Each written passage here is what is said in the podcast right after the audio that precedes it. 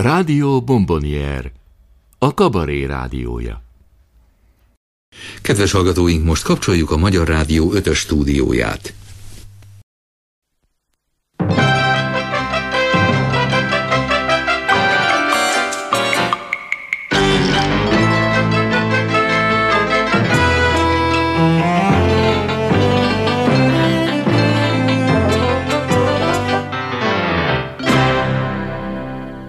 Kabaré csütörtök.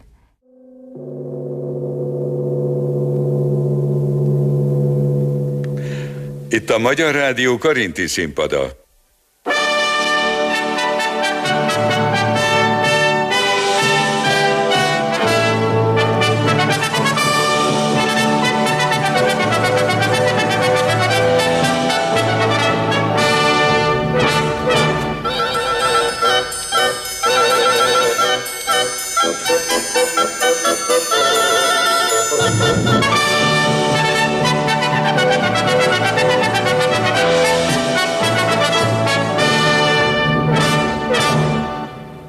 A Kulka Humorban, dalban, versben, prózában. konferál a szerkesztő-rendező Kaposi Miklós.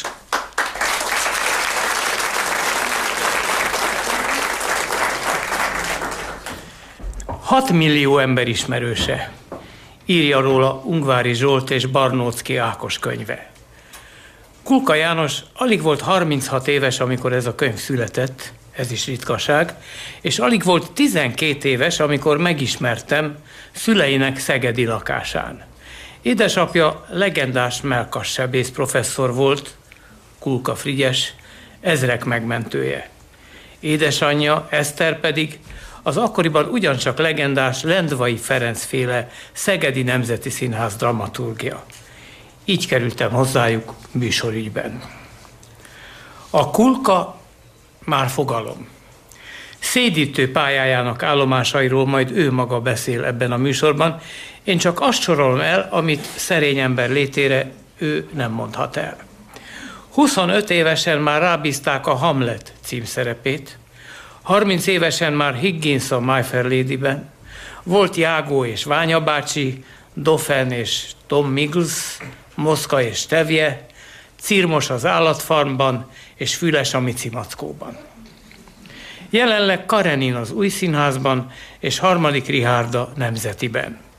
Hősöket és karakterszerepeket alakít, intellektuális, töprengő alkat.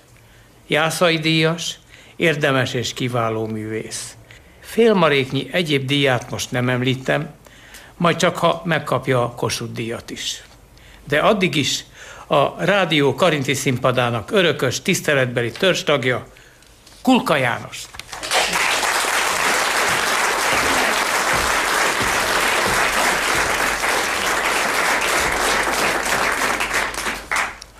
Köztudott rólad, hogy három éves korodig meg se akartál szólalni. De ahhoz képest, hogy nem beszélt, viszont olvasott már iskolás kora előtt, méghozzá sokat és jókat. Ez igaz, ezt ö, anyámnak és apámnak köszönhetem, mint csodálatos ö, nagy könyvtárunk volt otthon, nagyon művelt, olvasott emberek voltak mind a ketten, és nyilván gyerekként nagyon sokszor láttam őket könyvvel a kézben, és azt gondoltam én is, hogy ez valami nagyon hasznos, tartalmas időtöltés. De kezdeti ismerettségünk a könyvekkel úgy kezdődött, hogy a nővéremmel, aki nem sokkal idősebb nálam, de lehet, hogy ezt is én találtam ki, hogy lerámoltuk a könyveket a könyvespolcokról, lévén olyan két-három évesek, és megettük őket.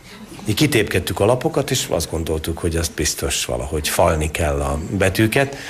Úgyhogy ezek voltak az első tapasztalatok az irodalommal, de aztán tényleg nagyon megszerettem az olvasást, valamit megtaláltam benne, egy olyan világot, vagy olyan különös világokat, amikről nem is álmodtam, vagy amikről nem is gondolkoztam, és az egyik legnagyobb sikerélményem az volt, hogy négy vagy talán öt éves lehettem, óvodás voltam, és akkor egyszer leültetett az óvónéni egy kis sámlira, azt kivitte így a terem közepére, leültette a többi óvodástársamat, és nekem föl kellett nekik olvasni Benedek Elek mesés könyvéből. És akkor rendkívül büszke voltam magamra, és lehet, hogy innen datálódik ez a nem tudom. Szóval, hogy valahogy ekkor, akkor gondoltam azt, hogy megéreztem valami olyat, hogy milyen az, amikor az ember más ember előtt áll, és valamit el akar nekik mondani. Az is a családi legendáriumból tudható, hogy 12 éves korában már olvasta, sőt végigolvasta a háború és békét, és Tolstoyt azóta se hagyta abba. Szerintem azért átugrottam, biztos emlékeznek rá, hogy nagyon sok mindent franciául, meg eh, mindenféle idegen nyelveken mondanak a háború és békében, és nagyon hosszú lábjegyzetek vannak alul magyarul, hogy miket is mondtak ilyen pici betűkkel. Egy valamire nem tudták rávenni a kis Jánost, hogy zongorázzon. Valahogy az én fejemben, vagy az én lelkemben a zene és a matematika valami nagyon szoros összefüggésben volt, és én a szolfést, meg ezt a hangjegyeket, meg az előjegyzéseket mindig úgy képzeltem, hogy az is olyan, mint a matematika, amiből mondom nagyon, vagy talán nem mondtam, még nagyon gyenge voltam. Tulajdonképpen viszonylag jó tanuló lévén eh, kettes és hármas között bukdácsoltam matematikából, és annyira dühös voltam erre, hogy ilyen ostoba vagyok a számokkal, és ennyire nem igazodom el köztük, hogy egész egyszer nem voltam hajlandó zenét tanulni, se szolfés, se. Úgyhogy azóta nem tudok kottát olvasni, jól elintéztem ezt magamnak, mert így aztán sokkal nehezebb bármiféle zenés szerepet, vagy bármi mást megtanulni, és minden csak így fül után, hallás után tanulok. Senki ne gondolja, hogy a harmadik Richardban csak 2004-től játszik a nemzetben. Nem. Már Szegeden játszott a Richardban, 1966-ban, ha nem is a címszerepet. Nyolc éves voltam, és gyerekszereplőt kerestek a harmadik Richardba. És hát, mint a édesanyám, ahogy Miklós említette, a színházban dolgozott, tehát gondolom kézenfekvő volt, hogy meg nagyon közel laktunk a színházhoz Szegeden, a Vörösmarty utcában, majdnem szemben, tehát így a késői hazamenés is gondolom megoldott volt. Azon kívül hiányozni lehetett az iskolából, ami egy csodálatos dolog volt, és első keresetemből nem emlékszem, hogy mennyi volt, de egy szokoltáska rádiót vettem magamnak, és nem volt nálam boldogabb ember széles egy Szegedem. És Egyébként az előadásból nem sok minden emlékszem Pagonyi Nándorra, aki egy fantasztikus színész volt, és biztos az lehetett, mert gyerekként olyan páni félelem töltött el, ha mm, a színpadon akár csak a, megláttam messziről. Tehát nyilván valami olyan erő, vagy olyan démoni valami árad belőle, amit, amit még egy gyerek is, gyerek is megérzett. De nem csak a Rihádban, még hat másik szerepben is, hat másik darabban is fölléptél Szegeden. Hát csodálatos szerepeket kreáltam sorban egymás után. Hát egyre kisebbeket szerintem nagyon rossz voltam már. Ahogy úgy visszagondolok magamra, egyáltalán nem ambicionált ez a, az egész színészet. Nem értettem, hogy mi a jó ebben. És nagyon kiábrándítónak láttam a színházat belülről. Akkor megfogadtam, hogy én soha többet színház közelébe nem megyek. Hát sok fogadalmam közül ezt is sikerült megtartani. De mondom, igyekszem nem olyan színész lenni, mint amilyennek én gyerekfejjel láttam őket. Aztán rájöttem, hogy igen. Jó, pont. Mond, és jó tanuló voltál? A tanárok kedvence? Elégedettek voltak a frizuráddal, a, az öltözékeddel? Egyszer ki akartak rugni a, az iskolából, mert emlékszem arra, talán még az az ellenőrző meg is van, amiben uh, alá kellett írjak egy nyilatkozatot, hogy uh, feltűnő hajviseletemmel és kirívó öltözködésemmel nem bontom meg az iskola rendjét, de szerintem a hajamat nem vágattam le. Ilyen hosszú hajam volt, el tudják képzelni? És kiszőkült nyáron. Igen. De eredetileg bölcsész akartál lenni. Én tulajdonképpen semmi nem akartam lenni, de annyira kétségbe voltam esve 17-18 éves koromban, hogy semmiféle elképzelésem nem volt a jövőről, de miután változatlanul nagyon szerettem olvasni, és, és nagyon szerettem a nyelveket, és meg is tanultam, amennyire tőlem tellett angolul, franciául, mindenképpen arra vitt az élet, hogy valami bölcsész dolog legyen ebből. Szóval aztán valahogy mondom, néhány év kitérő után biztos visszataláltam én ehhez a színházhoz. Annyira, hogy aztán jelentkeztél a színművészeti főiskolára, azt hiszem nem is egyszer. Egyszer jelentkeztem, és akkor is úgy, hogy nem nagyon mondtam meg az első forduló előtt otthon, hogy mire készülök, és az iskolában is azt hiszem csak egy tanár tudta, és egy nagyon kedves, ott az irodalmi színpadon volt egy nagyon nagy tehetségű, de nem szerencsés, színésznőként nem szerencsés alkatú, nagyon kedves, okos, tüneményes tehetségű lány, aki rábeszélt, hogy menjek el vele felvételizni, mert ő annyira fél egyedül elmenni. És hát nincs kedvem végig sem mondani ezt a elég rossz balvégzetű történetet, ami természetesen az történt, hogy őt az elsőn eltanácsolták, az első forduló után engem pedig fölvettek.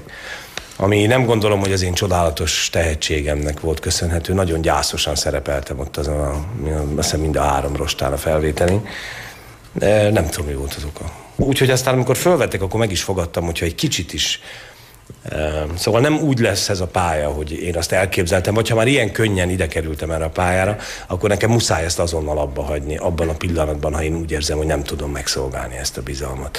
Voltak ilyen pillanatok. A privát emberek nem nagyon tudják, hogy az ilyen felvételi vizsgákon, a Színi Akadémián, Színművészeti Főiskolán helyzetgyakorlatokban kell bemutatni a tehetséget, az ötletességüket, a helyzetfelismerésüket a növendék jelölteknek. Velem az volt a probléma, hogy én miután először felvételiztem, és a Szegedi gimnáziumból jöttem, fogalmam nem volt arról, hogy hogy zajlanak ezek a felvételik, és akkor egyszer csak boldogult emlékű Várkonyi Zoltán, a csodálatos színházigazgató, rendező, színész, aki fölvételiztet engem, a, ő volt a fölvételi bizottság elnöke ott a harmadik fordulóban. Hát mondtam ott az egyik szomorú verset a másik után, mindegy, belesültem, semmiként nem tudtam végigmondani. Életemben először ilyen, vagy felnőtt fejjel először ott ilyen elvakított reflektorokba álltam a Ódri színpadon, és egyszer csak azt mondta nekem, hogy magának holnap lesz az esküvője. És így álltam, mondtam, hogy elnézést, de de nem, nem lesz, nem lesz eskü. Tehát, hogy magának mennyasszonya van, de mondom nekem tényleg, és nem értettem, hogy mit akarnak. És azt mondja, és elvesztette a jegygyűrűjét. Mondom, de hát nincs is, még nem is volt egy és akkor elkezdett ordítani, hogy ez egy helyzetgyakorlat, és maga azt se tudja, hogy mi az, hogy helyzetgyakorlat.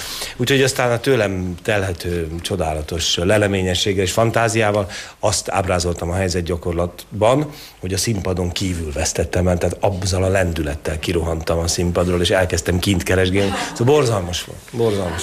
Szörnyű. És tényleg, mondom, a Kubik Anna nevét mondták be előttem amikor összehívják a harmadik rostában megmaradt fiatal színészjelölteket, olvassák a névsort, és amikor bemondták, ott tartott, azt hiszem ez ilyen hódosnénak hívták azt hiszem azt tanulmányozta vezetőjét, és azt mondta, hogy ku, és abban a pillanatban kitört egy ováció, az Anna akkor, akkoriban indult, ki mit tudon, egy ország ismerte, szerette, és aztán mondták, hogy Bik Anna, hát mondtam, hogy akkor kész, és elindultam kifelé, és valaki a lépcsőházba jött utána, hogy te nem a Kulka János vagy, nem, nem, de. Hát, hogy most mondták a nevedet. Úgyhogy nem értem azóta se, de tényleg komolyan mondom. Rémes voltam. Rémes. János egyik kedvenc olvasmánya, nekem is Bibliám, Karinti Figyes, és az ő művei közül is az együgyű lexikon. Ebből következik egy fejezet, aminek az a címe nevetés. Sajátságos állapot, melyet a humor vagy nevetségesség idézhet elő. Bergson elmélete szerint a humor úgy jön létre, hogy a mechanikusan történő dolgokat megfordítjuk, és úgy tekintjük őket, mintha nem volnának megfordítva. Szemléltetőleg. Ha például valaki felöltözve véletlenül beleül egy kádba, szórakozottságból, abban a hitben, hogy a karszékbe ült bele, és most valaki megfordítja a zuhanycsapot, és az illető úgy tekinti, mintha nem volna megfordítva, tehát tovább ül a kádban, ez esetben a humor, nedvesség szemlélhetővé válik, és az illetőt benedvesíti. Ez az állapot másokban a hasizomnak sajátságos rángatózását idézheti elő, mely egészen a szájig, a szájon keresztül, egészen a fülekig terjedhet, s korbonctanilag megállapítható. Ezt nevezzük nevetésnek. A nevetés nagyon gyakori tünecs, mivel a hasizom mozgatása az emésztése is igen jó hatással lehet, sokan mesterségesen és közvetve idézik elő. Ez állapot előidézésével ezzel foglalkozó egyének az úgynevezett humoristák vannak megbízva, akik a dolgokat fő kapitányi engedéllyel megfordíthatják, anélkül, hogy ezért bárki kihágási feljelentést tehetne ellenük.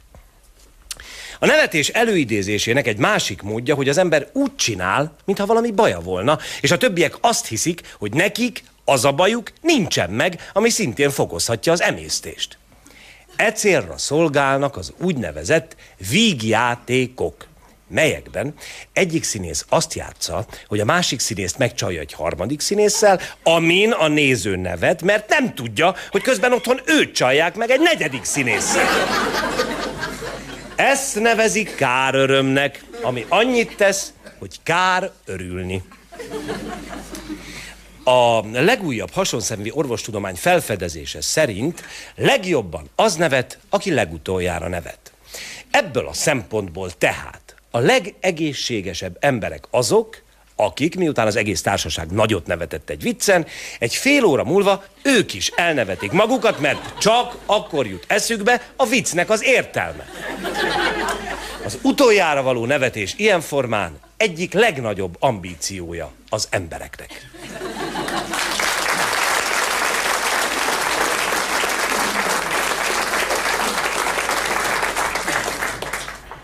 A főiskolánál hagytuk abba. Kik voltak az osztálytársait, kik voltak a tanárait?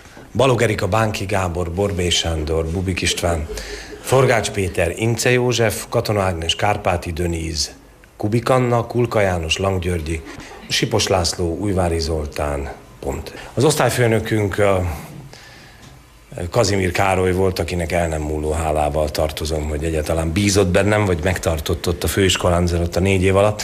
Egyébként ő volt az, aki azt mondta, hogy én 40 éves koromig nagyon boldogtalan leszek, és egy elégedetlen színész lesz belőlem, de majd jussak eszébe 40 éves korom után. Azt mondta, hogy akkorra leszek, nem tudom, nem emlékszem milyen szót mondott, de hogy akkorra lesz belőlem valami. A zenés mesterséget Iglódi István tanította nekünk, akinek mi voltunk az első főiskolás osztálya. És hát ezen kívül még számos csodálatos tehetségű, képességű tanár, Fischer Sándor, Ungvári Tamás, Ligeti Mérike, Pintér Tamás, így hirtelen ennyi énektanárok, zenetanárok, egész gyülekezete, aki azon fáradozott, hogy mi valamit megtanuljunk ebből a csodálatos szakmából, úgyhogy köszönöm nekik ezúton is. Az főiskola elvégzése után Pécsre kerültél, az ottani szerepeidről majd még beszélünk, de az ebben az történetben számra emlékezetes, hogy ott neked már saját, lak, saját bútoraid voltak. Igen. Hallgassák meg Kardos G. György egy írását, az a címe Éva Ádám nélkül. Eddig úgy használtam az ágyamat Hübele Balázs módjára, hogy nem is gondoltam rá, mi az ágy igazi rendeltetése, és hogyan kell a rendeltetésének megfelelően használni. Helytelenül tettem. Erre akkor jöttem rá, amikor egy bútorkereskedésben elolvastam az Éva heverőhöz mellékelt használati utasítást, amely körültekintően és tárgyilagosan világította meg az ágy használat fortéjait. Az Éva heverőt alváshoz a következőképpen készítheti elő. A diszpárnákat szíveskedjék levenni, a fekvő felületet az ágy legvégénél nyissa fel, és így hozzáférhet az ágynemű tartóhoz. Az ágynemű tartóból az ágyneműt kivesszük, és a párnákat behelyezzük az ágynemű tartóba. Csukja le a fekvőbetétet, és ágyazzon meg. A saját tapasztalatomból is értékelni tudom a használati utasítás jelentőségét, mert bizony nem egyszer előfordult, hogy előbb megágyaztam, és csak azután nyitottam fel az ágynemű tartót, vagy ágyazás előtt nem vettem le a heverőről a díszpárnákat. A használati utasítással együtt megfelelőnek találtam az Éva heverőt, alig volt idétlenebb, mint a magyar bútoripar többi terméke. A neve is tetszett. Éva. A paradicsomot és a bűnbeesés juttatta az eszembe. Később kiderült, hogy bűnbeesésről az Éva heverővel kapcsolatban nem lehet beszélni. A használati utasítás ugyanis szigorú figyelmeztetést tartalmazott. A szövet nagy szilárdságú és kopás álló műszálból készül, azonban különösen erős mechanikai igénybevétel, állandó dörzsölés, surlódás, hegyes tárgyal történő ráhatás következtében megkopik, ezért csak rendeltetésének megfelelően ülés-fekvés szabad használni. Ebből félreérthetetlenül megtudtam, hogy mi az, amire nem szabad használni az Éva heverőt. Ez némileg a kedvemet szegte, és józan önvizsgálatra késztetett. 60 éves vagyok. Várható-e még tőlem különösen erős mechanikai igénybevétel, vagy hegyes tárgyal történő gyakori ráhatás? Nem. Ami várható, az egy kis dörzsölés, egy kis surlódás, de semmi esetre sem olyan mértékben, hogy ezzel megsértsem a bútorszövet felületét. Megvettem a heverőt és hazavittem. Este a használati utasítás szerint ágyaztam meg. a díszpárnákat behelyeztem az ágynemű tartóba, néztem az erkölcsös bútor darabot, és elhatároztam, hogy próbára teszem.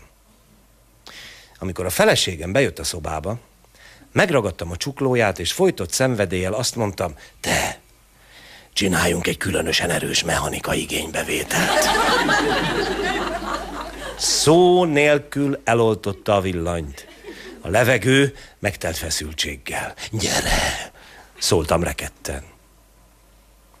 Hihetetlen, hogy mennyi vad energiát szabadított fel bennünk az Éva heverő. Jó fél óráig csak ugráltunk, ugráltunk rajta, mint egy gumiasztalon.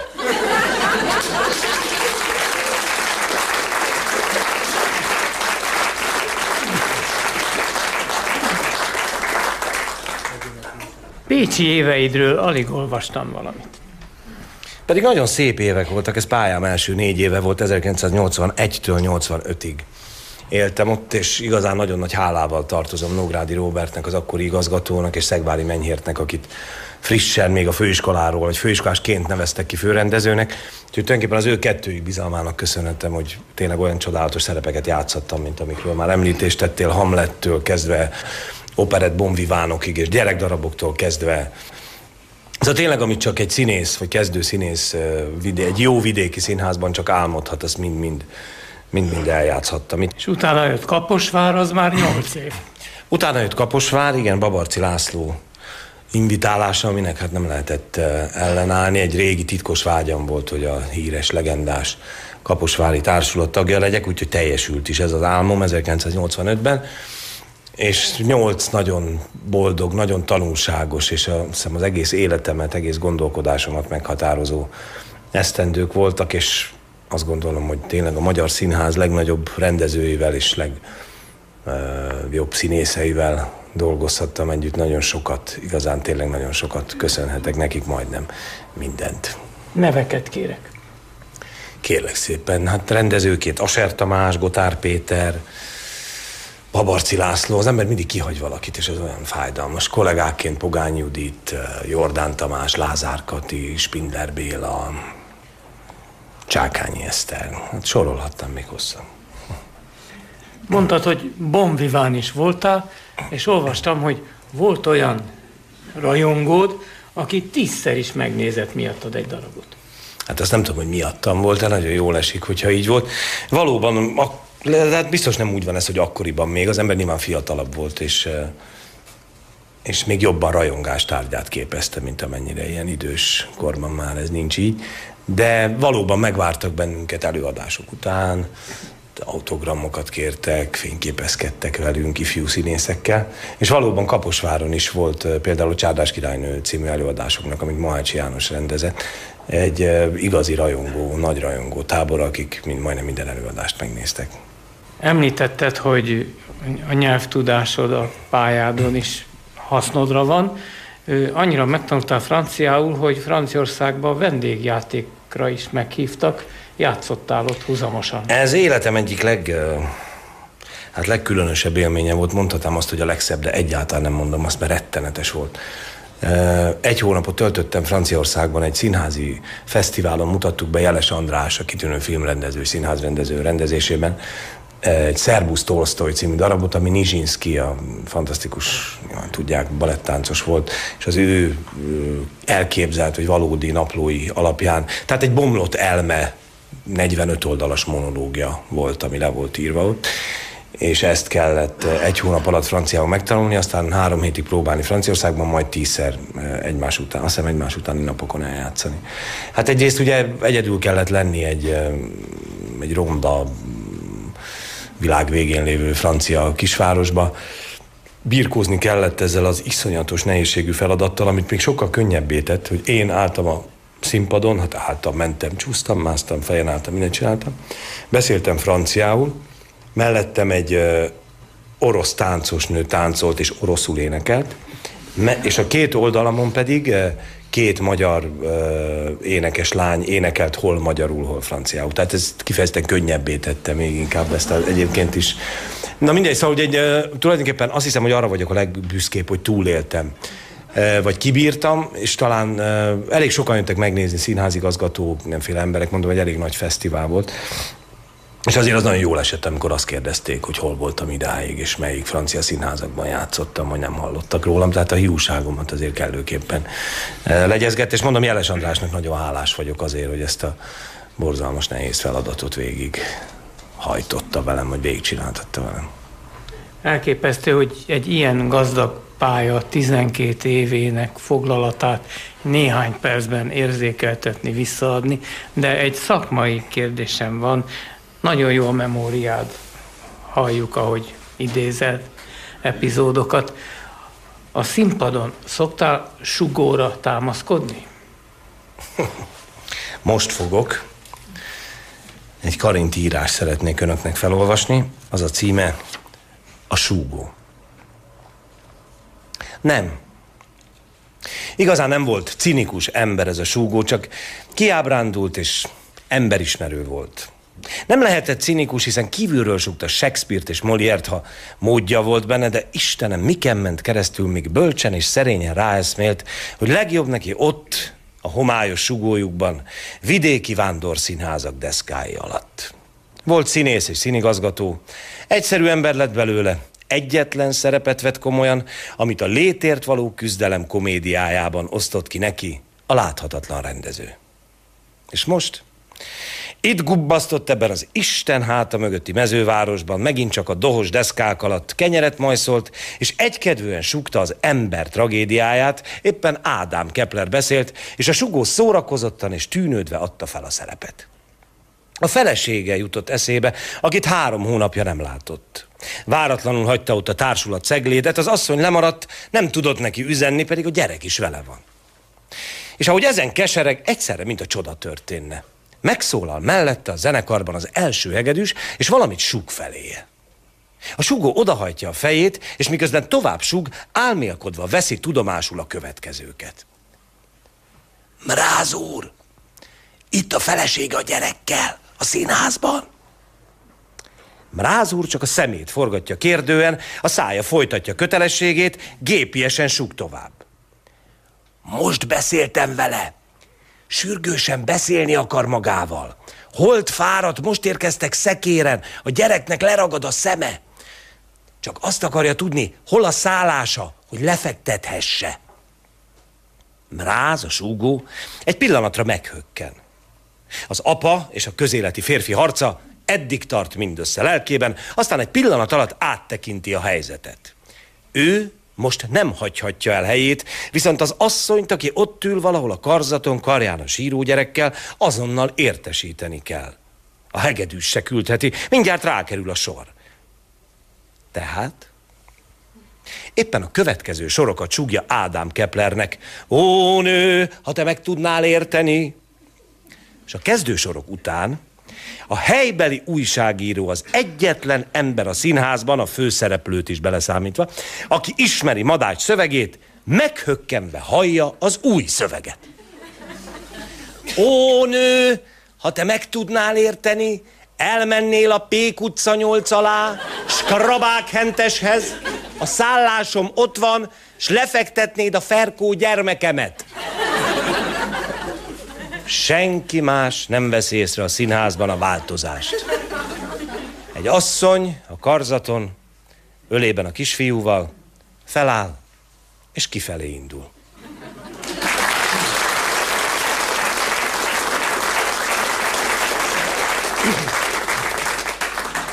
Újabb állomás, de nagyon fontos. Radnóti Színház Budapest. Igen, mert Bálint András az én volt igazgatóm és kollégám hihetetlen kitartással több éven keresztül csábított már Kaposváról. Volt egy rendszeres találkozónk, minden tavasszal leültünk a azt hiszem, hogy a művész cukrászdában, és megbeszéltük 15 percben, hogy milyen kedves, hogy ő hív engem a Radnótiba, és én meg szeretnénk maradni Kaposváron. És aztán teltek az évek, és már negyedik vagy ötödik ilyen beszélgetésen voltunk túl, és egyszer csak valahogy úgy alakult, hogy szerintem az Andris számára is nagyon meglepően egyszer csak azt mondtam, hogy na jó, akkor most jövök. És aztán nagyon sok, nagyon, tényleg nagyon boldog évet töltöttem ott, és Andrásra is, Valló Péterre is el nem múló hálával gondolok, hogy ennyi szép feladattal bíztak meg. Aztán ott a vége felé volt egy-két év, mielőtt elmentem onnan, ami már nem úgy sikerült, mint ahogy az előzőek, de hát nyilván nem lehet tíz évig egyfolytában boldognak lenni egy színházban. Úgyhogy aztán szerencsére a legjobbkor jött Jordán Tamás üzenete, hogy lenne kedvem ott ebben a furcsa palotában, ott a Soroksári úton játszani. Úgyhogy ott vagyok másfél éve, és nagyon boldog vagyok, nagyon jól érzem ott magam. De még egy kicsit maradjunk a Radnótiban, mert van itt a Karinti Színházban egy nem egészen vadonatúj zongora, viszont vadonatúj kísérőd, Termes Rita, éljünk az alkalommal. Élni fogunk az alkalommal, egy kis képzavarral, ez most jutott eszembe, az én utolsó szerepem a Radnóti Színházban, az Egyzában Bástasítány 77 című operettjében vagy zenés játékában volt, amiben megadatott nekem Ajta Andor régi híres dalát elénekelni. Úgyhogy ez volt a Radnóti Színházban az én hattyú dalom, illetve majd mint egy kis képzavarral. Megállapíthatják az én hattyú füttyöm.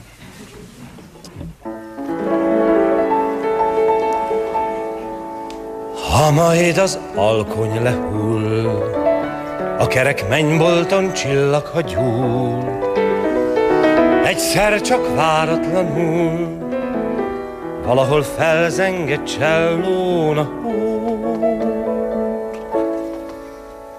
A vén budai hársfák békésen suttognak Elpihen a lombokon a szél Már hold ragyog a bástyán Úgy érzed boldog vagy Lágyan egy kis kéz kezedhez ér Oly jól esik a légy ott este a ruszvurmnál, mint a mese halk muzsika szál. Felrepül egy sóha, csók fakad a csókkal, nyár tüze vagy hó van, áll a bár. Jöjj a várba, nem maradsz te árva, mert valaki várva vár. De ez persze csak jó tanács. Lehet, hogy máshol meg nem így szokás. Ám hogyha Budára jársz Szíveddel hallgast, hogy mit mond a hárs A vén budai hársfák békésen suttognak Elpihen a lombokon a szél. Már hold ragyog a bástyán Úgy érzed boldog vagy Lágyan egy kis kéz kezedhez ér. Oly jól esik a légy ott este A ruszvurmnál Mint a mese halk muzsika száll Felrepül egy sóhaj Csók fakad a csóka Nyár tüze vagy hó van, áll a bár. Jöjj ide a várba, nem maradsz te árva, mert valaki várva vár.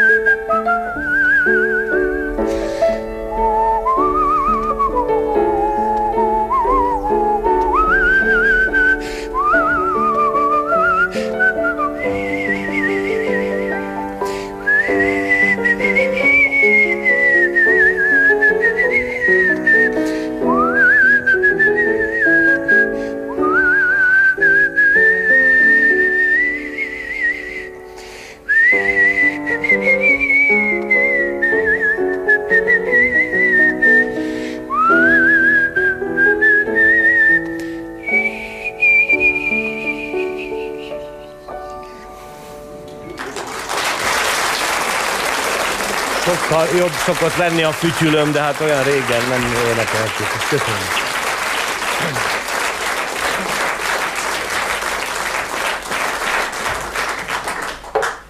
Karinti Figyes az együgyű lexikonjában a színház címszó alá még ezeket az alcímeket írja, színművészet, vesd össze, betegsegélyezés, vitustánc. A színház a csődületnek egy sajátos fajtája és alakulata. Nagy részben és lényegében hasonlatos azokhoz a katasztrófákhoz, melyek nyilvános helyeken, utcákon, tereken történvén az arra járók között bizonyos kollektív szenzációt alkalmasak kelteni. E különleges csődületnek oka az úgynevezett színésznő, a női betegségek egy ismert válfajában hisztéria, vitustánc szenvedő női egyed, ki is betegségének bizonyos korszakában erős és ellenállhatatlan izgalmak következtében hangosan kiabálni és céltalan, de heves taglejtések kíséretében gyors helyváltoztatással, lásd ugrálás, helyehúja, toporzék, mozogni kezd. Ebben az állapotban a színésznő közveszélyes jellegűs, jogi és közbiztonsági értelemben a környezettől való négy fal általi elzárást és külön választást igényel bizonyos üzletág emberei, színigazgató rendező, ama látszólagos céllal, hogy ezt a közbiztonsági műveletet magukra vállalják, üzletileg felhasználják ezt az állapotot, amennyiben a közbiztonsági követelményeket korlátozva nem négy, hanem csak három fallal zárják el az akut színésznőt, úgyhogy a negyedik fal hiányozván a fent említett csődület mégis összeverődhetik, és bizonyos ellenérték fejében tanulmányozhatja a betegség lefolyását. Mi alatt a színésznő szaladgál és kiabál, gyorsan három falat tesznek köréje, előre sugó címen egy embert alkalmaznak, aki megakadályozza, hogy a színésznő elől kifuthasson. Ez az egészségügyi mutatvány egy erre alkalmas egyén az úgynevezett drámaíró közeműködésével történik, ki is a színésznő artikulátlan és a zoológiából ismert nemi vágyakat kifejező ordítozásait szavakkal helyettesíti be, és e szavaknak értelmet és jelentőséget tulajdonít. Evékből a színésznőt dresszírozzák és preparálják, ami úgy történik, hogy például ha a szenvedő színésznő ezt ordítja, wow, wow, adjatok egy férfit! Ezt a drámaíró így fejezi ki például, igen, Aurél, asszonynak érzem magam, vagy az élet, a nagy élet hív engem György, vagy Távoli borzongások rebbentik meg lelkemet. Én téged nem tudlak szeretni, férjem. Oktávé szív. Vagy egyéb kifejezésekkel. E szavakat azután rászoktatják a nyer színésznőre, és eredeti hangjai helyett begyakoroltatják vele. Az eredeti hangok kihozására a színház férfiakat is alkalmaz, akik időnként megjelennek a három fal közt, színpad, és ingerlik a már előre felhetszelt színésznőt. Rendes körülmények között az üres fal előtt összeverődő csődület, az úgynevezett közönség maga szeretné ezt a szerepet játszani, és ezért igen dühös lesz a színészekre, mely harag bizonyos fokán a közönség egyedei egyik tenyerüket felemelik a drámaíró ebben a pillanatban egy darab vászonnal, függöny, hirtelen elzáratja a hiányzó falat, mire a közönség felemelt egyik tenyerével, dühösen belevág a másik tenyerébe, abban a hitben, hogy az a színésznek a pofája. Ezt nevezik műnyelven tapsnak. Ha egy színházban véletlenül két színésznő kerül össze, akkor megindul az úgynevezett Intrika című társasjáték, melyet a színésznő orvosai, az úgynevezett kritikusok rendeznek. Ez a játék a színfalak mögött folyik le, sajátságos táncfigurák kíséretében. A két színésznőt egymás háta mögé állítják, hogy mind a kettő a másik háta mögött legyen. Elől szemben a színésznőkkel áll az igazgató vagy a rendező. A játék úgy történik, hogy egyik színésznő a másik háta mögött elkezd beszélni. Elmondja, hány szeretője volt a másiknak, és hogy mit mondott az igazgató úrról tegnap a próba után. Ezután adott járra hirtelen megfordulnak, és nyakon verik egymást. Az igazgató erre odakap az egyikhez, és megfogja, míg a másik a tehetetlenség törvényénél fogva kiröpül a színházból. Ennek a gyorsuló mozgásnak a törvényeit Newton alapján egy színházi tudós megállapította. Ez szerint minden színésznő annyit veszít súlyából, mint amennyit az általa kiszorított másik színésznő nyom.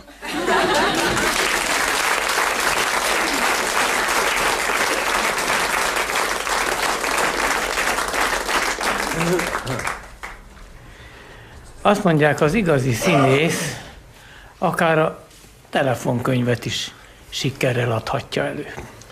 Ez megtörtént velünk egyszer, akár hiszik, akár nem. Létezett ez a Tilos az A nevű csodálatos alternatív szórakozóhely. És ez a történet talán még a 80-as évek legvégéről datálódik, vagy talán 90-ben történt, hogy meghívtak bennünket Csákány Eszterrel föllépni, de hogy ne akármit csináljunk, hanem olvassuk föl a telefonkönyvet. És hát valóban neki is ültünk, én azt hiszem smokingban, Eszter estéruhában, megérkeztünk, mint aki csodálatos nagy zenés estre készülődnek, majd kiálltunk a pódiumra egy-egy telefonkönyvvel, és elkezdtük előről. És körülbelül öt és fél órán keresztül olvastuk, egy néző maradt, de szerintem az csak azért, mert ki akart tolni velünk, és kíváncsi volt, hogy meddig bírjuk. De nem tudom, hogy mekkora színészi teljesítmény volt, hát nem emlékszem már, hogy miket csináltunk, vagy miket próbáltunk ott rögtönözni, mert természetesen megszemélyesítettük a számokat, a neveket, a foglalkozásokat, mindent csináltunk, hogy valahogy ne legyünk unalmasak, de hát tudom, hogy azért négy és fél öt óra után elfogytak a nézők. Csákányi Eszterről édesapja Csákányi László jut eszembe, és Csákányi Lászlóról pedig édesapát foglalkozása, doktor úr. Azt még elmondom gyorsan előtte, hogy eh, van ez a csodálatos dal, ez a bizonyos doktor úr, és amíg a szomszédokba játszottam, és én voltam doktor Magenheim Ádám, addig engem ugye állandóan doktor úrnak hívtak, tehát olyan, hogy Kulka János szó nem eshetett, de hát ez tulajdonképpen így is természetes. És mindenki azzal piszkált, hogy én miért nem éneklem el ezt a dalt. És egyrészt Csákány Laci bácsi zseniálisan és utánozhatatlanul adta elő, másrészt azt gondoltam, hogy csak azért sem. De most már, hogy elmúlt ugye négy vagy öt év, hogy nem én vagyok a ország első számú mentőorvosa, veszem magamnak a bátorságot, és elénekelem önöknek a Doktor úr című dalt.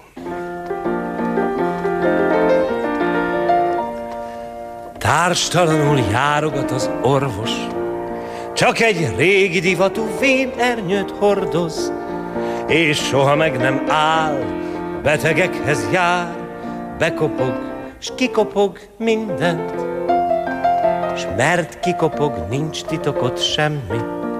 Tudja jól, mi az oka, mit kell majd tenni, miért dobog úgy a szív, ha van egy kis ész, az egész nem is nehéz. Doktor úr, doktor úr, itt benn valami fáj, azt hiszem a szívemmel baj van. Doktor úr, doktor úr, úgy sajog ez a táj, így könyörög és nyöszörög sok panaszos száj. Doktor úr, doktor úr, ellenem mit ajánl? Jaj, ugye bár meggyógyít engem, azt azért senki sem kérdezi meg a doktortól. Doktor úr, a maga szíve sose fáj, Szép feladat, hogy valaki doktor, Bárha nem pihen is az ágyában sokszor, Mert ide kéri egy, oda várja más, s betege jöhet el rosszkor. Így bekopok sorra sok ajtón, kérem, nyújtsa ki csak a nyelvét, sóhajtson, ez nagyon ismert kór, ő is tudja jól, vár arról, egy szót se szól. Doktor úr, Doktor úr, itt benn valami fáj, azt hiszem a szívemmel baj van. Doktor úr, doktor úr, úgy sajog ez a táj, így könyörög és nyöszörög sok panaszos száj. Doktor úr, doktor úr, ellenem mit ajánl? Jaj, ugyebár meggyógyít engem. Azt azért senki sem kérdezi meg a doktortól. Doktor úr, a maga szíve sose fáj.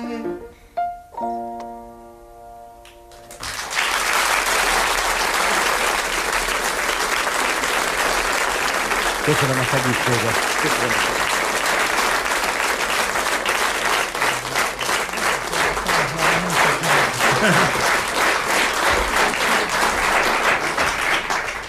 Doktor úr, Magenheimről nincs semmi mondani valója? Hát látod, hogy már bele is kezdtem, hiszen az előbb.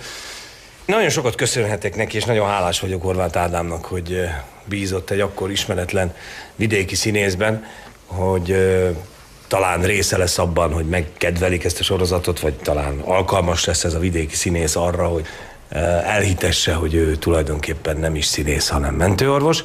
Arra emlékszem a legérdekesebb, hogy én egy történetet el tudok mesélni, szóval, hogy egyik érdekes emlékem, az, hogy ül, édesapámnak nagyon jó barátja volt Horváth Ádám, természetesen ezért is kerültem bele a sorozatba. Ebben a mai napig teljesen biztos vagyok.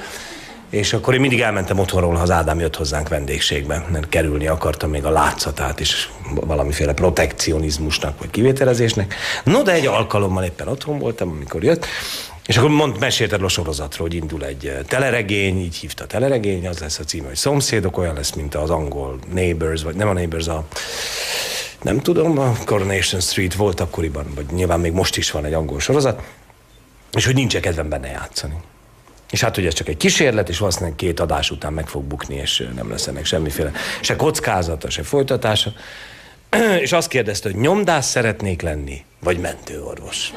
És akkor azt gondoltam, hogy nyomdásznak lenni az olyan, tudom, hát az egy nyomdász. Tehát, hogy egy mentőorvos, hogy azért mégiscsak ott szirénázni, meg jönni, menni. Meg valahogy apám is otthon volt, és tulajdonképpen úgy éreztem, hogy úgy igazából apám se bánná, hogyha mentőorvost választanám. hogy talán mégiscsak úgy egyszer viccből én is orvos lehetek.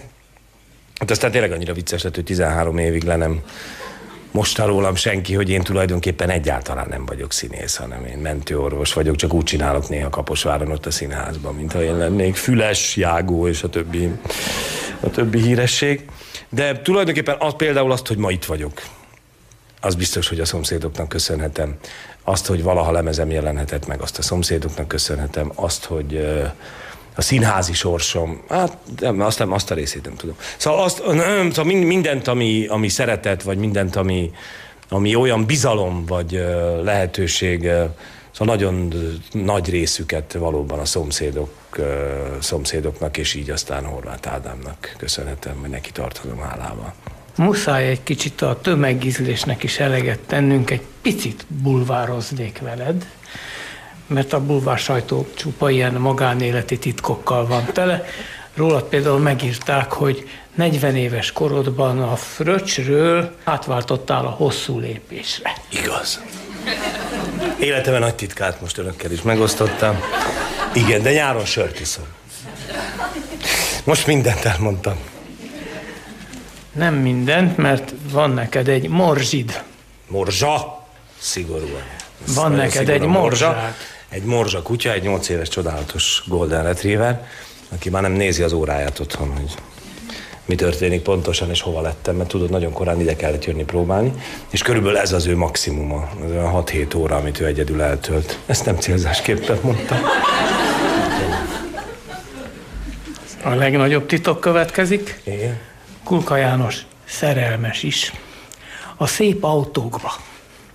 Igen, ez egy régi komoly szenvedély, egy matchbox gyűjteménnyel kezdődött, ami hát még viszonylag megfizethető volt, de aztán elkezdődtek felnőtt koromban az igazi bajok, amikor hát komoly pénzekért kellett csodálatos, szebbnél szebb autókat venni. Hát próbálok kiózanodni, és ezzel a szenvedélyemmel fölhagyni, de nagyon nehéz. Szerencsére egyre drágábbak ezek a nagyon szép autók, és így aztán egész egyszerűen nincs rá pénzem, de, de nagyon, szóval kifejezetten fel tud izgatni egy szép új autó. Igen. Éva heverő. Persze. Kulka János, a kulka. Köszönöm.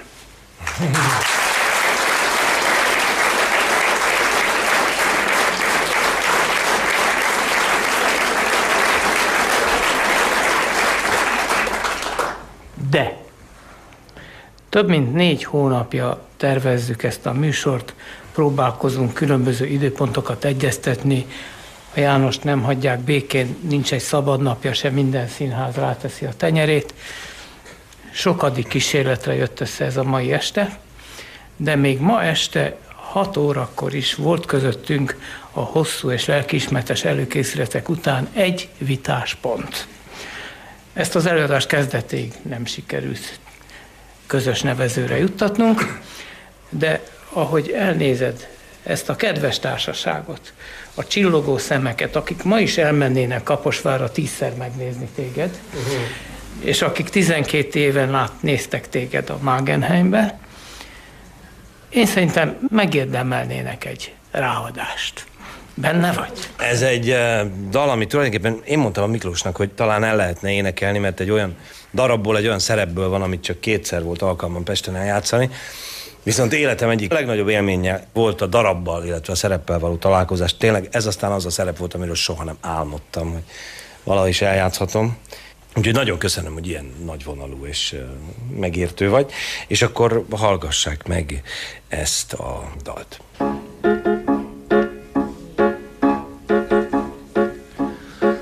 én gazdag lennék, jaj, jaj, jaj, jaj, jaj, jaj, jaj, jaj, jaj, jaj, jaj, jaj, jaj, Éjjel-nappal, jaj, jaj, jaj, jaj, jaj, tartana a nagy daj, daj, jaj!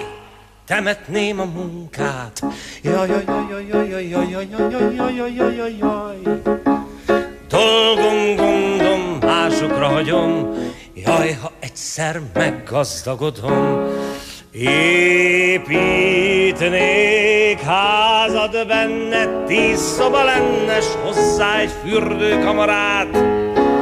Fürdőkádban lábamat áztatnám, a széles márvány lépcső, egy, ami felvisz, s még egy, mert lefele is kell. És kell még egy, hogy bámulják csupán. Lenne sok pulyka, réce, kappan a háznál kis csibe rántani való. Fokhagyomásan illat a bódító, és addig háp-háp, gágá, kotkoda, gágá hangjukat elviszi a szél, hogy hirdessék itt gazdag emberét.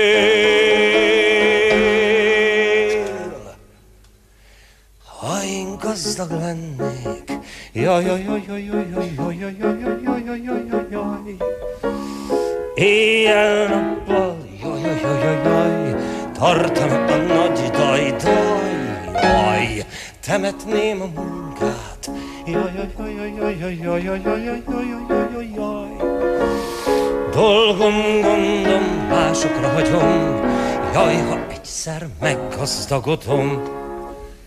Látom már Goldét rengő duplatokával, nézi, hogy készül az ebéd. Pársonyban jár, csipkeruhát is ölt, Látom már lépked, mint egy sokszínű páva, retteg a rengeteg cseléd. Ő meg boldog tombol és üvölt. A község úri népe hajbókolna mind nekem, Mind a tanácsomat lesnék, mint egy bölcs salamonét. Csak egy szót reptevje, megbocsáss reptevje, Bölcsebb vagy a híres csoda rabbinál.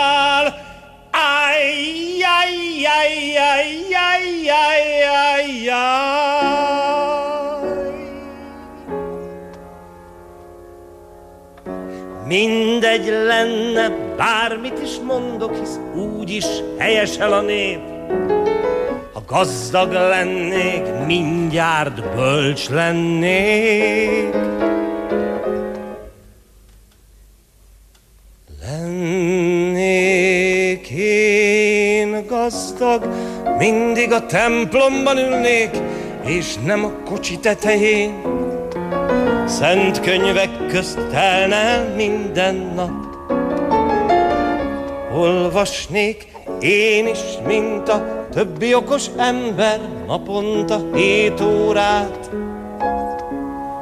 és ez többet érne, mint a pénz.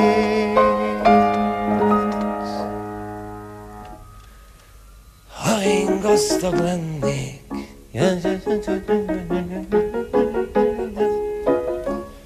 éjjel-nappal, jaj, jaj, jaj, jaj, tartod a nagy daj, daj, jaj, temetném a munkát.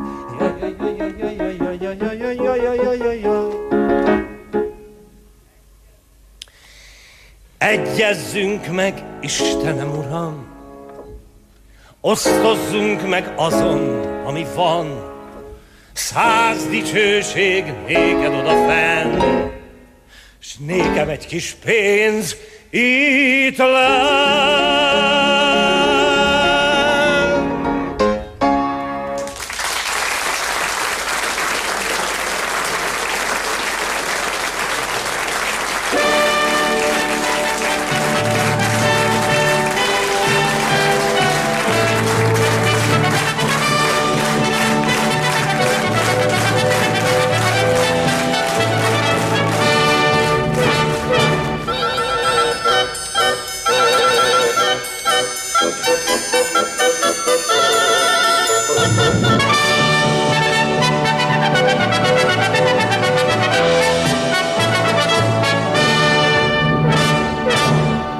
Magyar Rádió Karinti színpadán elhangzott a Kulka. Humorban, dalban, versben, prózában. Zene Termes Rita. Munkatárs Srandi Kibolya. Gyártásvezető Závoda Endre. A felvételt Kerekes Endre készítette a Karinti Színházban. Konferált a szerkesztő rendező Kaposi Miklós. Kedves hallgatók, a Kabaré Csütörtök Podcast mai epizódjában megismételtük a Karinti Színpad 2006. szeptember 17. kiadását. Műsorajánló Kabaré csütörtök. A Rádió Kabaré kívánság műsora. Kérje, küldje, hogy nevethessen. Vas edény! Érdeklődöm, hogy az MDK Turmix gép a leszedhető ajtajú, hogy megérkezette már. Mondom az urámnak, Tibi. A fiúk a bányában dolgoz. Kabaré csütörtök. Minden csütörtökön délután kettőtől. Műsorajánlót hallottak. Rádió Bombonier, a kabaré rádiója.